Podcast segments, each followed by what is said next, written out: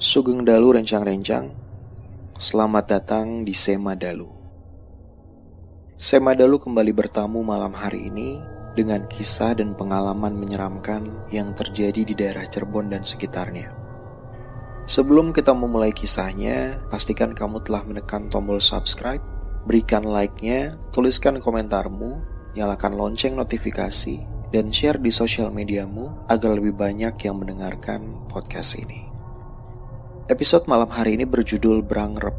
Bagi yang belum tahu, Brangrep adalah istilah dalam bahasa Cirebon yang berarti waktu peralihan dari terang ke gelap atau yang biasa kita sebut dengan istilah petang atau maghrib di mana waktu itu adalah waktu yang dipercaya disukai oleh mereka yang tidak bisa kita lihat untuk menebar teror dan menampakkan wujudnya. Di Cirebon sendiri adalah pamali untuk keluar pada saat berangrep, khususnya untuk anak-anak kecil.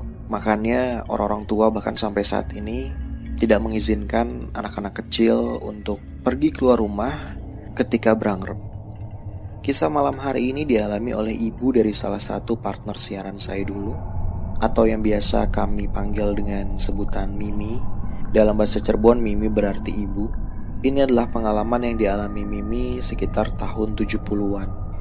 Pada saat itu, Mimi masih berusia 11 sampai 12 tahun dan tinggal bersama nenek atau yang biasa Mimi panggil dengan emak di sebuah rumah yang terletak di sebuah gang persis di depan salah satu rumah sakit tertua di kota Cirebon. Gang lokasi tempat Mimi tinggal ini sebut saja Gang S adalah salah satu dari beberapa gang yang ada di depan rumah sakit tersebut yang meskipun memiliki ujung gang yang berbeda tapi akan tersambung di area tengah dan di sanalah Mimi mengalami kejadian-kejadian mengerikan. Mimi cerita dahulu gang tersebut masih cukup lebar. Kira-kira kendaraan beca masih bisa cukup melintas di sana. Tapi ketika saya pribadi yang penasaran dengan lokasi gang tersebut dan seperti apa bentukannya sekarang, maka saya sempat datang ke sana dan survei dan melihat bahwa gang tersebut sudah sangat sempit. Bahkan ketika saya berkunjung, saya menggunakan motor dan saya agak ragu dan tidak yakin bahwa motor saya bisa melintasi gang tersebut pada awalnya. Tapi lokasinya masih sama di sana dan nuansanya juga masih sama seperti yang Mimi ceritakan. Lembab, agak gelap, dan masih meninggalkan kesan menyeramkan. Cerita pertama yang dialami Mimi saat itu terjadi selepas subuh.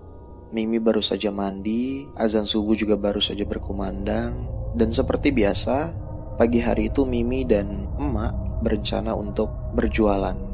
Mereka biasa menjual kopi, gorengan, dan lain-lain.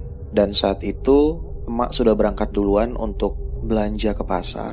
Sementara Mimi ditugaskan untuk menyiapkan alat-alat untuk berdagang seperti ketel, gelas, dan lain-lain. Jadi saat itu, Mimi harus berjalan sendirian menuju ke tempat biasa mereka berdagang melewati gang es. Saat itu langit masih sangat gelap, Mimi yang kedinginan berjalan pelan melintasi gang es tersebut. Gang es ini dibatasi oleh dinding-dinding tinggi yang salah satu sisinya membatasi gang dengan sebuah rumah besar yang menurut cerita Mimi dulunya adalah milik seorang janda kaya, di mana di balik tembok tersebut terdapat rimbunan pohon pisang yang pucuk-pucuk pohon pisangnya masih dapat terlihat dari dalam gang. Karena tembok yang membatasinya hanya setinggi kurang lebih 1 sampai satu setengah meter. Mimi berjalan hati-hati membawa barang-barang dagangannya hingga beliau melihat ada sesuatu yang menggantung di sisi gang. Awalnya Mimi sempat berpikir bahwa sesuatu itu adalah standan pisang. Tapi ketika diperhatikan baik-baik, yang beliau kira standan pisang itu adalah jari-jari kaki. Mimi melihat sepasang kaki yang sangat besar dan hitam, sebesar tandanan pisang, yang terlihat bergerak-gerak pelan di depan mata Mimi. Seolah-olah sosok aslinya sedang duduk di atas tembok gang dan kakinya menjulur ke bawah dan dalam bahasa Cirebon menguncang-uncangkan kakinya di sana. Mimi langsung membeku melihat sosok itu dan ketika saya tanya apa yang Mimi lihat sosoknya, Mimi mengaku bahwa dia sama sekali tidak berani melihat sosoknya dia hanya tertuju pada kaki besar itu. Jangankan sosoknya katanya Melihat kakinya aja Mimi udah gak bisa berkata-kata Jadi dia langsung menunduk Dan seolah-olah tidak melihat apa-apa Karena memang sudah terlanjur ada di tengah gang Mimi berjalan cepat Melihat ke tanah Menelusuri gang tersebut Hingga akhirnya bertemu dengan jalan besar Sampai sekarang Mimi masih belum tahu sosok apa yang memiliki kaki sebesar dan sehitam itu. Pengalaman lainnya Mimi alami ketika sedang menemani emak sholat tahajud. Saat itu Mimi belum tidur dan sekitar pukul 1 sampai 2 malam emak bangun dan berjalan keluar untuk mengambil air wudhu dan melaksanakan sholat tahajud. Sebagai informasi, sumur di rumah Mimi ini terletak di depan rumah. Sehingga untuk mengambil wudhu, emak harus berjalan keluar, menimba air sumur dan berwudhu di sana. Saat emak keluar rumah, Mimi berjalan mengikutinya. Emak sempat melarang, tapi Mimi yang saat itu masih kecil, masih suka bermain-main, ingin ikut emak pergi ke sumur. Emak lalu meminta Mimi untuk duduk di bangku yang ada di dekat sumur, sementara emak menimba air untuk mengambil air wudhu. Saat sedang duduk menunggu itulah, Mimi melihat ke sana kemari. Lalu ia melihat ke ujung gang. Ujung gang yang menyambungkan tiga gang tersebut di sana masih sangat gelap, tapi Mimi melihat ada cahaya terang yang semula Mimi kira adalah lampu Petromax karena pada masa itu listrik masih sangat jarang. Orang-orang masih menggunakan Petromax sebagai penerangan dan Mimi seperti melihat ada Petromax di sana. Sambil berpikir siapa yang menyalakan Petromax di tengah malam buta seperti ini. Apalagi ternyata setelah diperhatikan, nyala lampu Petromax itu ada dua. Cahayanya sangat terang dan ketika Mimi perhatikan baik-baik, ternyata cahaya yang Mimi kira adalah lampu Petromax itu berasal dari sepasang mata besar dari sosok macan tutul raksasa yang sedang duduk di ujung gang. Mimi cerita bahwa sosok macan tutul itu saking besarnya sampai menutupi seluruh gang. Mimi bisa melihat juga dengan jelas ekornya yang bergerak ke sana kemari Sementara macan itu memperhatikan ke arah gudang jambe yang saat itu masih berlokasi di sana. Spontan saat itu Mimi bertanya kepada emak, Mak, kok ada macan? Emak langsung buru-buru menyelesaikan wudhunya. Beliau langsung menarik Mimi sambil bilang, Wis wis mancing-mancing, katanya. Sudah-sudah, ayo masuk-masuk. Lalu mereka buru-buru masuk ke dalam rumah. Ketika sudah di dalam rumah, emak lalu mengambil mukuna dan melaksanakan sholat tahajudnya, sementara Mimi yang masih penasaran, diam-diam berjalan keluar rumah, lalu mengintip ke lokasi tempatnya melihat macan tutul tadi. Namun seperti yang bisa kita bayangkan, sosok tersebut sudah tidak ada dan Mimi langsung berlari masuk lagi ke dalam rumah. Dan ini kisah lainnya yang dialami oleh Mimi dan bagi Mimi sendiri ini adalah pengalaman yang paling tidak bisa beliau lupakan.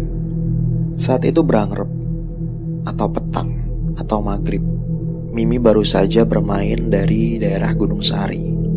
Saat itu sempat agak gerimis, Mimi berjalan pulang lewat gang satunya yang menembus ke gang S yang mengarah ke rumah Mimi. Saat itu jalanan sudah sangat sepi. Mimi berjalan sendirian dan saat itulah Mimi melihat ada sesuatu yang aneh. Mimi melihat ada dua anak kecil dengan kepala botak, pelontos, sosok kedua anak kecil itu tanpa menggunakan pakaian apa pun, yang berlarian seperti sedang bermain-main. Karena rasa penasaran anak kecil, Mimi berjalan mendekati anak-anak kecil itu, tapi anehnya, sosok dua anak kecil itu melompat masuk ke dalam gorong-gorong, dan Mimi masih bisa melihat mereka ada di bawah gorong-gorong, dan saling dorong-dorongan masuk ke dalam gorong-gorong yang gelap. Mimi berjongkok, melongok-longok ke dalam gorong-gorong dan penasaran. Sedang apa mereka di sana? Mimi sempat menunggu agak lama, walaupun masih sempat mendengar tawa-tawa kecil mereka yang lalu hilang entah ke mana. Masih keheranan karena sosok dua anak kecil itu tidak kunjung muncul dari bawah gorong-gorong, Mimi memutuskan untuk kembali berjalan pulang. Apalagi dari kejauhan, sepertinya emak juga sudah melihat Mimi di sana dan emak berteriak meminta Mimi untuk segera pulang ke rumah.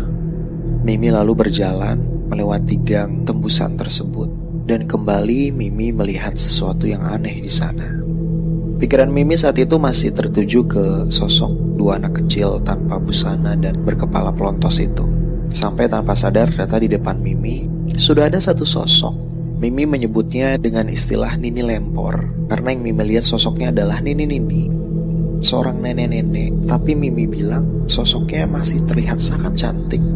Sedang berjalan ngesot dengan dingklik atau bangku kayu kecil di tangannya. Bahkan Mimi dapat menceritakan dengan detail bagaimana sosoknya. Sosok perempuan tua itu terlihat berkulit putih bersih dengan rambut yang mulai berwarna agak putih namun digelung dengan cantik dan disematkan sisir di atasnya. Nini-nini itu menggunakan kebaya dan terlihat bersih, tidak kumal atau kucel. Bahkan sosok itu sempat menyapa dan bertanya kepada Mimi, "Muliti mana?" Atau dalam bahasa Indonesia yang berarti, "Habis dari mana?" Refleks Mimi menjawab, habis balik dari Gunung Sari dengan menggunakan bebasan Cirebon. Namun setelah Mimi melewati sosok tersebut, dia baru benar-benar sadar siapa nih tua itu. Sedang apa beliau berjalan ngesot di pinggir jalan di jam segini, apalagi saat itu agak gerimis. Mimi lalu menengok ke belakang ingin melihat lagi sosok tersebut, namun sosok tersebut sudah hilang, entah ke mana. Sesuatu yang sebenarnya mustahil karena Mimi saja yang berjalan biasa masih belum keluar dari gang tersebut, tapi sosok itu sudah lenyap entah ke mana. Menyadari yang dilihatnya bukan manusia, Mimi langsung berlari sambil berteriak menangis memanggil emak menuju rumah. Meskipun anehnya, rasanya sangat lama Mimi berlari, tapi beliau masih belum juga keluar dari gang tersebut, seolah-olah gang tersebut sangat panjang. Akhirnya Mimi berhasil keluar dari gang tersebut dan sampai di depan rumahnya. Oleh emak, Mimi langsung didudukkan, lalu diambilkan air putih dan diminta untuk diminum. Lalu setelah itu Mimi pun menceritakan apa yang baru saja beliau alami. Dan sekali lagi, emak hanya bisa berkata, Makannya, lain kali jangan keluar kalau berangrep. Pamali.